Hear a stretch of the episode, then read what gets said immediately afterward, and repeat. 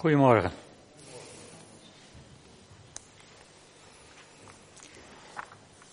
Zoals ik uh, heb aangegeven, heb ik deze zomer een serie gemaakt over de namen waarmee God zich openbaart in de Bijbel. Vorige week hebben we stilgestaan bij het verhaal van Abraham, waar God zich openbaart als Yahweh Jireh, de God die ons ziet.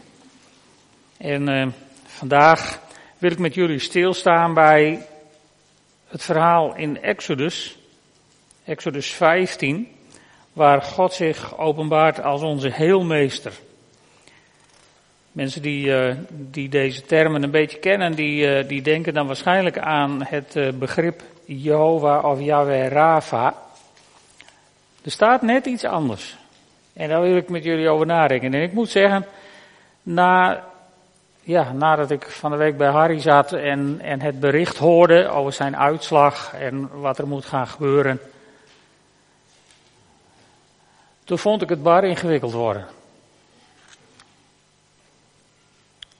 En volgens mij is dit met stip de moeilijkste uit de hele serie die ik, uh, die ik ga behandelen. We gaan lezen Exodus 15 vanaf vers 22. Volk Israël is net bevrijd uit Egypte en ze zijn net door de Rode Zee getrokken. En dan gaan ze de woestijn in en ik lees eh, uit de herziene statenvertaling. Hierna liet Mozes Israël vanaf de Schelfzee opbreken en zij vertrokken naar de woestijn Sur. Drie dagen gingen ze door de woestijn en vonden geen water. Toen kwamen ze bij Mara. Ze konden echter het water uit Mara niet drinken, want het was bitter. Daarom gaf men het de naam Mara. Toen morde het volk tegen Mozes en zei, wat moeten we nu drinken? En hij riep tot de Heere en de Heere wees hem een stuk hout. Dat wierp hij in het water, toen werd het water zoet. Daar heeft hij het volk verordeningen en bepalingen gegeven en daar heeft hij het op de proef gesteld. Hij zei, als u aandachtig luistert naar de stem van de Heere uw God en doet wat juist is in zijn ogen, als u zijn geboden gehoorzaamt en al zijn verordeningen in acht neemt, dan zal ik geen enkele van de ziekten over u brengen die ik over Egypte gebracht heb, want ik ben de Heere uw heelmeester. Toen kwamen ze bij Elim, daar waren twaalf waterbronnen en zeventig palmbomen. Ze sloegen daar hun kamp op aan het water. Het is maar een kort stukje. En, en kunt je voorstellen, hoe lastig het was. Het volk was net uit Egypte gekomen. En langzaam maar zeker gaan ze er in de woestijn achterkomen dat het leven in Egypte weliswaar hard was, maar er was in ieder geval te eten en te drinken. En nu kwamen ze in de woestijn, daar waren ze vrij. En daar was niet te eten en te drinken. En zo komen ze in het dilemma, wat heb je dan het liefste? En dan komen ze bij Mara. Het water was bitter. En, en ja, je kunt je daar uh, wat bij afvragen. Sommige mensen zeggen nou, Mara was een poel met water en die was nog zo dicht bij de Rode Zee dat het water brak was. Dat heb je natuurlijk als je aan de kust, vlak aan de kust is het water in de sloot achter de dijk langs of achter de duinen langs is brak. Dat is niet lekker zoet, dat is zout water wat daar onderdoor perst. Ja, het zou kunnen, maar ik denk dat ze net iets verder de woestijn in waren. Het kan ook zijn dat het op een andere manier verontreinigd was. In ieder geval was het zo vies dat je het na drie dagen dorst niet wilde drinken. Of was er nog iets anders aan de hand? Ik luisterde een keer naar Judson Cornwall en die sprak hierover en die zei, het water bij Mara, dat bevatte een stof waarvan je aan de diarree raakte. Want Egypte moest nog uit de Israëlieten. Een soort ontslakkingskuur zou je kunnen zeggen. Maar ja, om nou met een miljoen mensen aan de diarree te zijn in een zandbak zonder toiletten, dan kun je je voorstellen dat die mensen overstuur waren en tegen Mozes begonnen te morren. In ieder geval, wat er ook was, het was niet plezierig. En het vreemde is dan, dan morren ze tegen Mozes. Als voorganger morren mensen ook wel eens tegen je. En als ik dan dit verhaal lees, dan denk ik, en waarom morren ze nou niet tegen God? Waarom Mozes? Hij kon het ook niet helpen. Ik bedoel, het was niet zijn water. Hij had het ook niet bitter gemaakt en hij kon het ook niet oplossen. Waarom morren tegen Mozes? Maar goed, Mozes die gaat vervolgens niet in de verdediging. Die gaat niet terugmorren, hij benoemt ook geen commissie en, en hij laat ook geen onderzoek instellen, maar hij gaat naar de heren. Daarin is al het eerste voorbeeld voor ons uit dit verhaal. Hij riep tot de heren. En in de, in de herziene statenvertaling staat er heren met hoofdletters. Dat is heel mooi, want dat betekent dat er in het Hebreeuws Yahweh staat, de naam van God. Als de Joden deze tekst lezen, dan lezen ze daar niet Yahweh, maar dan lezen ze Adonai, want de naam Yahweh wordt niet uitgesproken. En wij zijn net zo, want overal waar Yahweh staat in de grondtekst, staat in de herziene statenvertaling Heren met hoofdletters. Ook wij spreken de godsnaam kennelijk niet uit. Maar goed, hij gaat naar de Heren. En, en de Heere die wijst hem een stuk hout. Dat is eigenlijk wel bijzonder, want het was in de woestijn. En het water was van een kwaliteit dat er geen bomen op willen groeien. Op brak water groeien geen bomen. Dus of God heeft een of andere woestijnreiziger ooit georganiseerd die daar een stuk hout heeft gebracht en heeft klaargelegd voor Mozes. Of God heeft er een boom laten groeien. Maar bomen in de woestijn groeien bepaalde soorten bomen. En die doen er honderden jaren over om boom te worden. In ieder geval betekent het dat God voorzien had in een oplossing. Waarschijnlijk al ver voordat Mozes ooit aan dat water toe was, is daar op een of andere manier een stuk hout beland. En dat gooit Mozes in het water en dan wordt het zoet. En de critici, die zeggen nou dat was geen wonder, het was een stuk zoethout. Nou weet ik het niet, maar als je met een miljoen mensen wil drinken, moet het een behoorlijke plas water geweest zijn. En dan moet je heel veel zoethout ingooien willen drinkbaar worden, volgens mij. Dus dat is een grotere fabel dan het wonder dat God daar gewoon het water genas. Dat is volgens mij veel simpeler te geloven. Dus dat hout, dat wordt drinkbaar. En hun dorst is gelest. Maar dan komt er in vers 26 iets heel bijzonders. Want dan krijgen ze een grote belofte van God.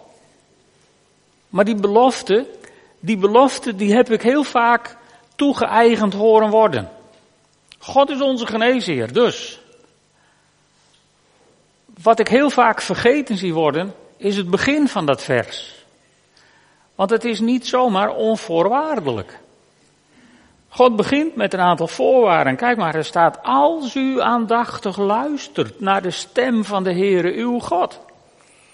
En doet wat juist is in zijn ogen.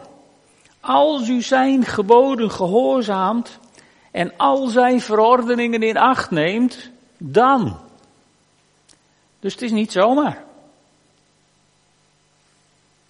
Er hangen een aantal voorwaarden aan. En, en, en daar hadden de Israëlieten al grote moeite mee. Met deze voorwaarden.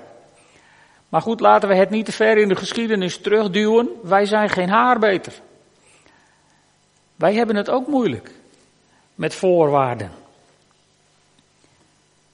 Als je op een weg rijdt waar je 100 kilometer mag, dan is het af en toe alsof je stilstaat. En alsof je de enige bent die zich aan de snelheid houdt. Dat is overigens indrachten waar je 50 mag, niet anders. En dan vinden we het gek dat er ongelukken gebeuren. En dan vragen we ons af, waarom laat God dat gebeuren? Nou, God reed niet te hard. En zo zijn er talloze voorbeelden te noemen van situaties waarin we, waarin we gewoon niet doen wat we zouden moeten doen. Terwijl we het weten. En wat zegt God dan? God hangt een belofte aan deze voorwaarden. En ik wil niet lang stilstaan bij die voorwaarden, want dan wordt het zo gauw wettisch. Hè? Dan wordt het heel gauw als hij niet oppast. Als hij dat nou maar doet, dan krijg je dat. Maar God is geen automaat waar je kwartjes in gooit. Dus die voorwaarden, die zijn wel duidelijk. En dan komt er een belofte. En die belofte, die zie je heel vaak uit zijn context getrokken worden.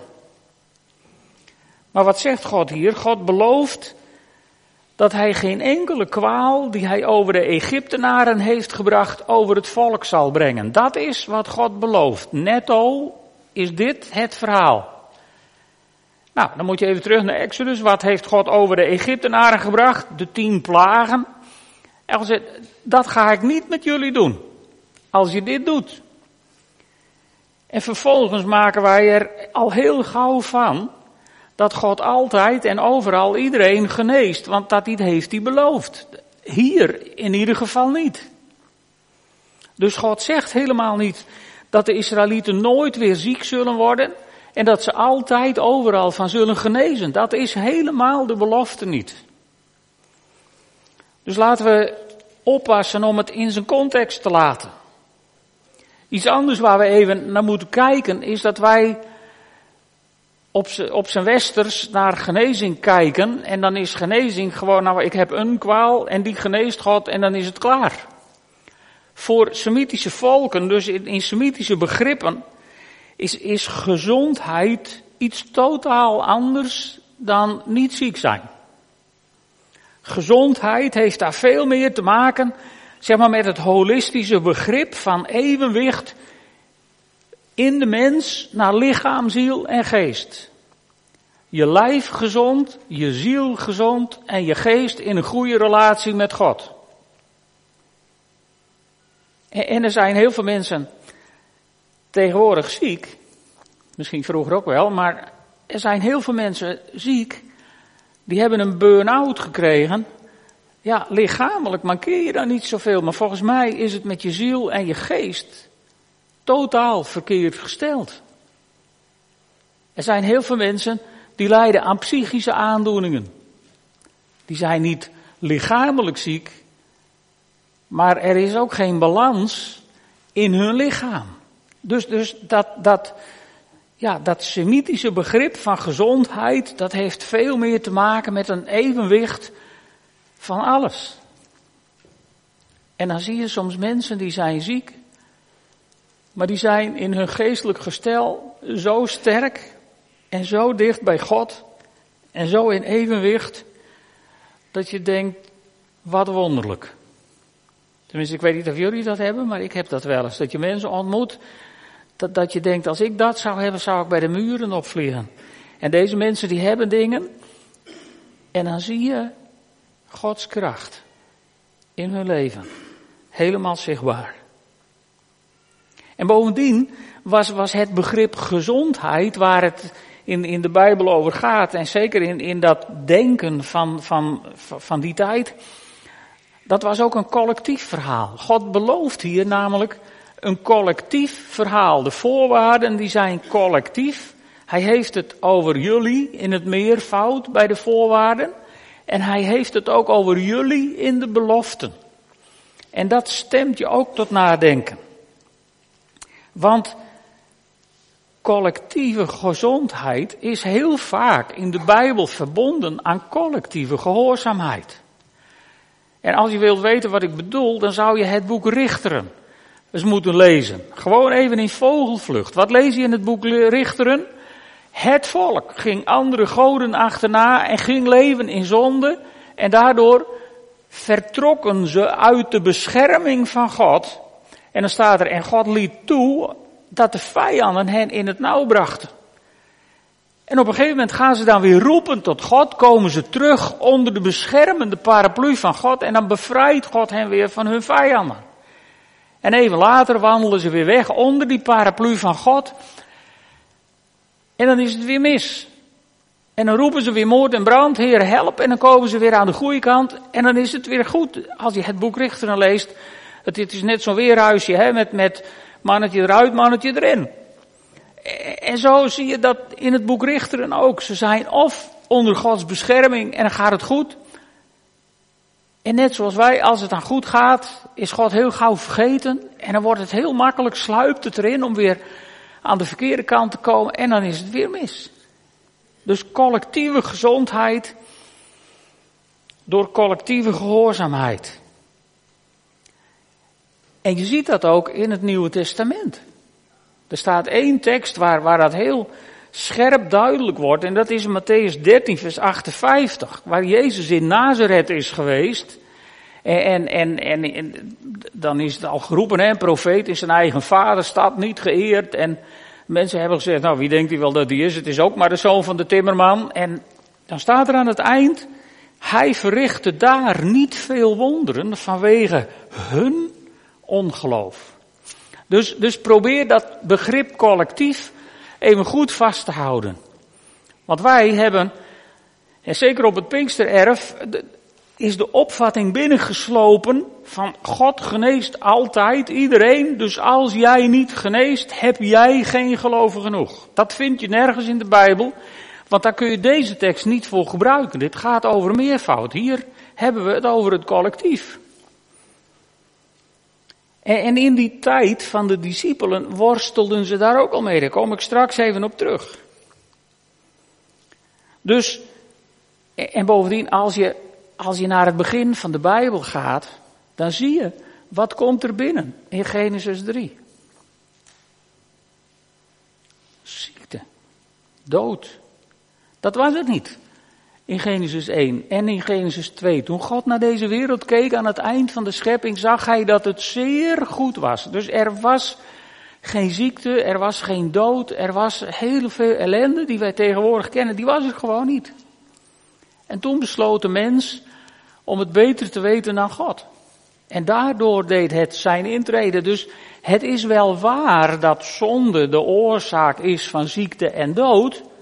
Maar dan moet je dat in het collectief zien. Je mag dat nooit in het individuele vlak trekken door een zieke te beschuldigen van ongeloof of van zonde of whatever. Nooit. En zeker niet met de Bijbel onder de arm, want dan trek je hem uit de context. En dan gaat God verder in dit verhaal en dan zegt hij, ik ben de Heere, uw heelmeester. Als je in de nieuwe Bijbelvertaling leest, dan staat daar, ik de Heer ben het die jullie geneest. En dat is bijzonder, want ook hier wordt van een zelfstandig naamwoord weer een werkwoord gemaakt. Vorige week heb ik opgemerkt dat God zich aan Mozes openbaart als ik ben. En heel veel gelovigen zijn hun hele leven lang op zoek naar ik doe. En die ga je niet vinden. Zo staat het ook weer hier. God zegt, ik ben de Heer uw heelmeester. En wij gaan ervan maken, ik ben de Heer die u geneest. Dat doet hij soms. En soms heel wonderlijk. En soms ook niet. Dus dat gaat gewoon niet op. En God gebruikt namelijk nou ook geen werkwoord als hij zich hier openbaart als ik ben de Heer, uw geneesheer. Hij gebruikt het zelfstandig naamwoord voor geneesheer. En de Israëlieten wisten wat dat betekende, want in Egypte waren geneesheren die stonden op een hoog niveau. Bij mummies is gevonden dat, dat ze in die tijd ingewikkelde operaties konden doen op mensen. En ze konden heel goed lijken balsemen, maar dat was een ander verhaal. Dus het begrip Rafa heeft zeker te maken met genezing. Maar het zelfstandig naamwoord waarmee God zich openbaart, betekent geneesheer. Dus God is onze geneesheer. Wat betekent dat? Hij is de Heer van onze genezing. Hij gaat daarover. Het is in zijn hand. Het, is in, het ligt in zijn invloedssfeer. En hij zou dus iedereen kunnen genezen. En toch geneest hij niet iedereen, zelfs niet als hij ernstig wordt aangeroepen. En dan wordt het ingewikkeld. Er staat een voorbeeld van, het verhaal wil ik met jullie lezen uit 2 Samuel 12. Koning David die heeft, eh, is de fout ingegaan met Bathseba. Het verhaal kennen jullie wel. En er is een, een kindje geboren. En God heeft gezegd als gevolg van, van deze zonde gaat dat kindje, dat gaat sterven. En dan doet David iets heel bijzonders. 2 Samuel 12 vanaf vers 15. Daarop ging Nathan naar huis. De Heere trof het kind dat de vrouw van Uria David gebaard had met een dodelijke ziekte. David bad tot God voor de jongen. Hij vastte streng. Hij legde zich s'nachts op de grond te slapen. De hovelingen probeerden hem ertoe te bewegen van de grond op te staan, maar hij weigerde. En hij wilde ook geen eten aannemen. Na zeven dagen stierf het kind. Davids dienaren durfden hem niet te zeggen dat het kind was gestorven. Ze zeiden tegen elkaar, toen het kind nog leefde, wilde hij al niet naar ons luisteren. Hoe kunnen we hem dan zeggen dat het gestorven is? Hij zal een ongeluk begaan. Maar dan gebeurt er iets heel wonderlijks. Want David begint geen ongeluk. Staat in vers 19, David zag zijn dienaren met elkaar fluisteren. Hij begreep dat het kind gestorven was en vroeg, en is mijn kind dood? Ja, het is gestorven, antwoordden ze. En let op, David stond van de grond op. Hij nam een bad, hij wreef zich in met olie en trok andere kleren aan, feestkleren. En hij ging het huis van de Heer binnen en hij knielde en daarna ging hij naar huis en liet zich iets te eten brengen. Zijn dienaren vroegen hem, hoe kunt u dat nu doen? Toen het kind nog leefde, vastte u en stortte u tranen, maar nu het gestorven is, staat u op en gaat u eten. Let op, hij antwoordde, toen het kind nog leefde, vastte ik en stortte ik tranen. Ik dacht, wie weet is de Heer me genadig en blijft het kind in leven. Maar nu het dood is, wat zou ik nu nog vasten? Waarmee kan ik het, daarmee kan ik het toch niet terughalen? Maar nu komt de mooiste zin. Ik ga naar hem toe en hij komt niet bij mij terug. Wonderlijk. Denk je, als je dat zo leest. Maar ik heb dat de afgelopen jaren zo vaak zien gebeuren. Ditzelfde. Waar mensen ernstig ziek waren. Waar we samen als gemeente en als familie en, en met z'n allen keihard voor hebben gebeden.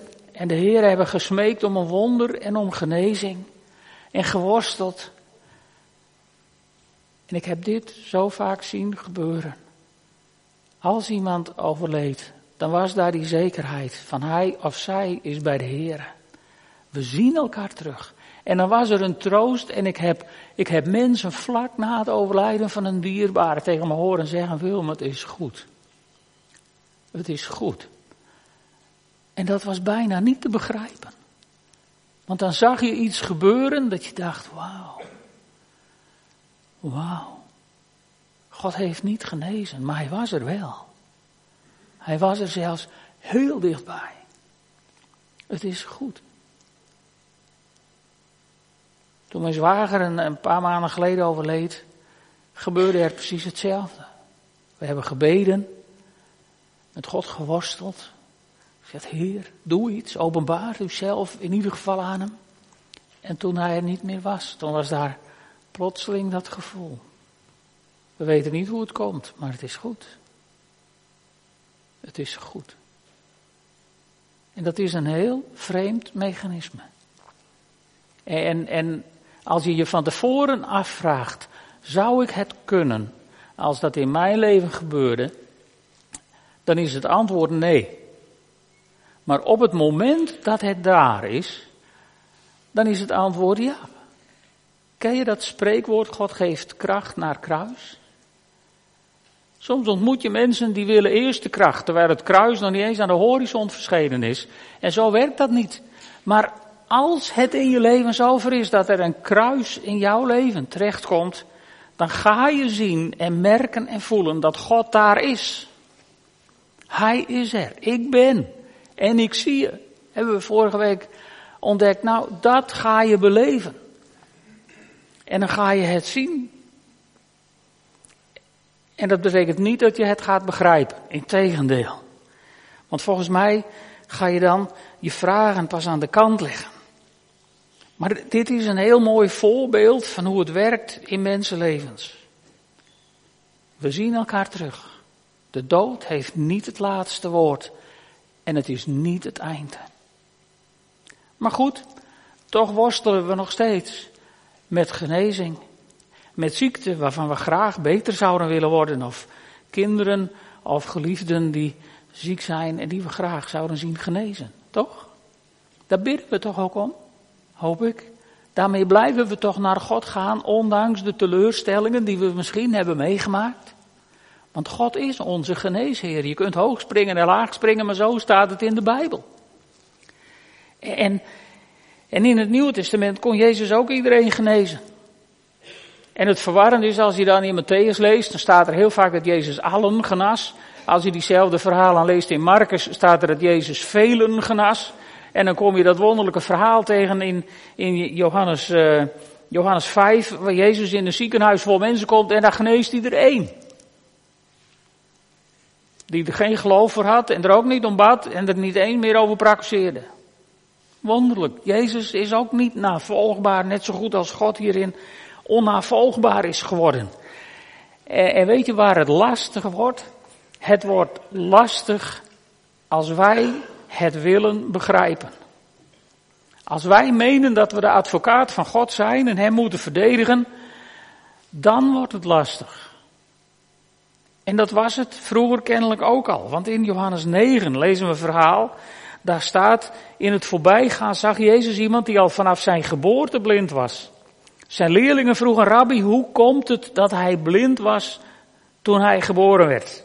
Dit is de waarom-vraag. Hè? En de waarom-vraag is altijd de verkeerde vraag. Onthoud dat goed. De waarom-vraag is altijd de verkeerde vraag.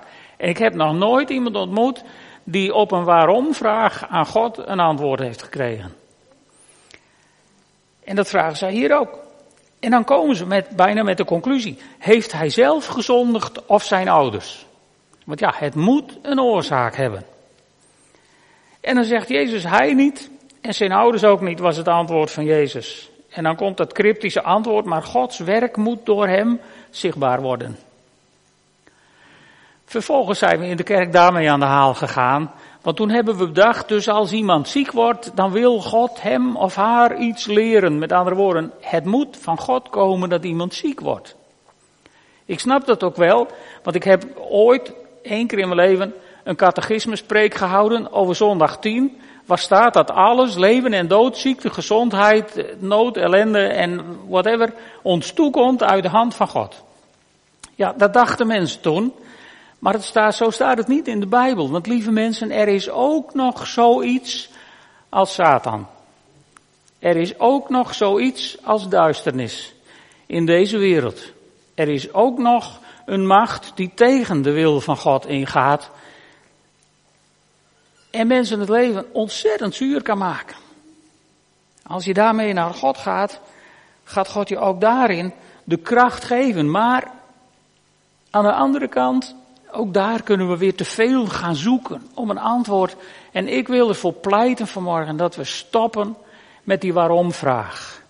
Dat we bij dingen die we niet begrijpen, niet zeggen, Heer, waarom? Ik heb in mijn leven één keer een tijd gehad dat ik alleen maar zo kon bidden. Heer, waarom gebeurt mij dat? En, en er was één ding in mijn leven wat absoluut toen gebeurde. Ik was bezig God kwijt te raken. En, en, en toen kreeg ik een, een, ja, op een hele wonderlijke manier een tekst van God was in de tijd dat ik nog, nog uh, gewoon wel kerkelijk was, zeg maar, maar, maar niet zo'n, ik was niet zo'n bijbellezer. Ik kende de verhalen goed, maar boeken als Jesaja, Jeremia enzovoort, die sloeg ik over, want die waren te ingewikkeld en niet spannend. En toen sloeg ik mijn Bijbel open in Jesaja en daar staat in Jesaja 58, mijn wegen zijn niet uw wegen en mijn gedachten zijn niet uw gedachten. En, en, daar heb ik heel lang naar zitten staren dat ik denk, dit kan niet waar zijn. Ik roep waarom. En, en, en in de Bijbel staat gewoon al, al 2000 jaar een antwoord. Mijn wegen zijn niet jouw wegen. En mijn gedachten zijn niet jouw gedachten. Het was alsof God tegen mij zei, ik wil het je wel uitleggen, maar je bent niet ingericht om het te begrijpen. En die heb ik vastgehouden de rest van mijn leven. Dus die waarom-vraag, laten we dat nou eens naast ons neerleggen. Iemand is niet altijd ziek als gevolg van een of andere zonde. Iemand is ook niet altijd ziek omdat God zich zo nodig moet openbaren. Maar zoals David het in Gods hand liet, zo moeten wij leren om het in Gods hand te laten. Want weet je, geloven als een kind, Dat wordt hierin voor mij steeds meer het thema waar het over gaat. Geloven als een kind. En als je als kind gelooft en je moet naar de dokter en die wil wat vervelends met je doen, dan is het heel belangrijk dat vader of moeder je hand vasthoudt. Toch? Medisch gezien helpt dat niet hoor. Ik weet ook wel dat mijn kinderen soms gevallen waren en dan hadden ze de knie open en nou, kus je erop. Beter. Medisch gezien, lieve mensen, ik, ik, ik ben geen dokter, maar wel EHBO'er. Als EHBO'er kan ik je vertellen, het staat niet in het EHBO-boekje, kus je erop over. Dus het kan niet werken. En waarom werkt het dan wel? Omdat er balans komt tussen onze geest, onze ziel en ons lichaam als er een kusje opkomt. Als vader je hand vasthoudt of moeder.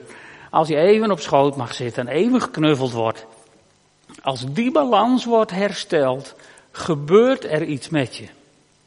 En ik wil je zeggen, God strekt zijn armen naar je uit. Waar je ook bent, in welke situatie je ook bent, God strekt zijn handen naar je uit. En God zegt, nou kom maar even hier. Kom maar even, een knuffel, een kusje erop, mijn hand even vasthouden. Want ik ben er en ik zie je en ik ben de Heer over jouw genezing. Het is in mijn hand. Wauw. Als je dat nou als een kind zou kunnen accepteren en gewoon bij God in de armen springen, wat zou het leven een stuk makkelijker worden?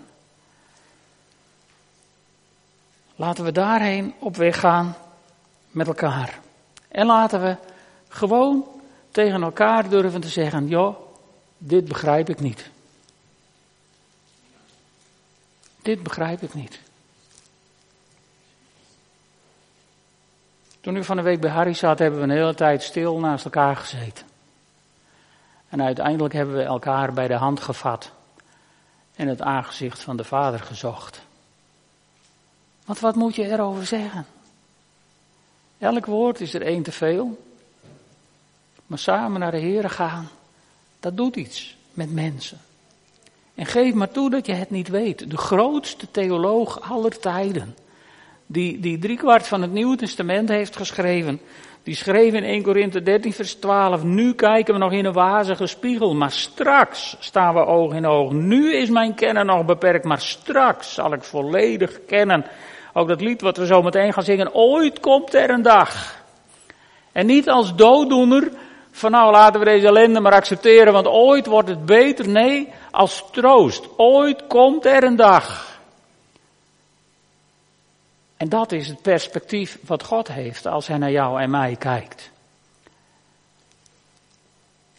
Ooit komt er een dag.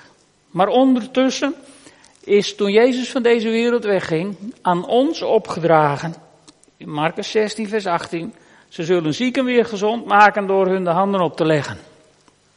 En hoe meer je theologiseert over genezing, hoe minder je eraan toekomt om op zieken de handen te leggen en gewoon voor ze te bidden.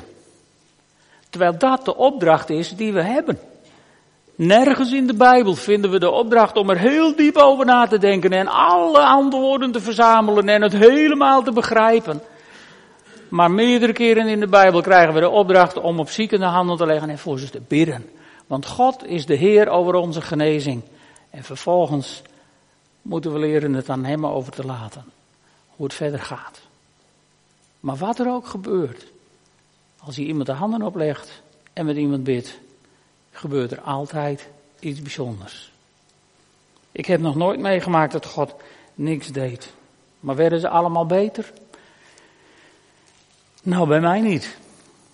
Maar toch blijf ik zeggen, God is onze geneesheer. Dus laten wij nu maar gehoorzaam zijn. En heel dicht bij God blijven. Want dan kunnen wij met David zeggen, de Heer is mijn herder. Het ontbreekt mij aan niets. En dan kunnen we ook met David zeggen, al gaat mijn weg door een donker dal. Ik vrees geen kwaad. En waarom niet? Omdat u bij mij bent. Mogen dat genoeg zijn in alles wat dit leven misschien nog voor je in petto heeft. Zullen we samen een moment bidden. Vader God, u bent onze geneesheer. En ook deze ochtend, heren, zijn er mensen in ons midden die ziek zijn, of kinderen of geliefden hebben die ziek zijn. Heer, en het blijft een worsteling in ons. Omdat we u niet altijd begrijpen. En daarom bid ik u om de troostvolle aanwezigheid van uw Heilige Geest in iedere situatie van ziekte.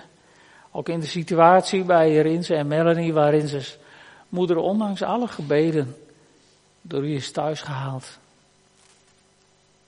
Heer, er zijn zoveel situaties waarin wij het graag anders hadden gezien. Maar we kunnen nu niet narekenen. En ik bid, Heere God, geef ons een geest dat we dat ook niet meer willen. Maar ons overgeven aan U. Aan uw vaderhand door dit leven durven te gaan. En alles wat op ons afkomt, recht in de ogen durven te kijken uit de zekerheid dat u bij ons bent. Schenk ons zo uw genade in de naam van Jezus. Amen.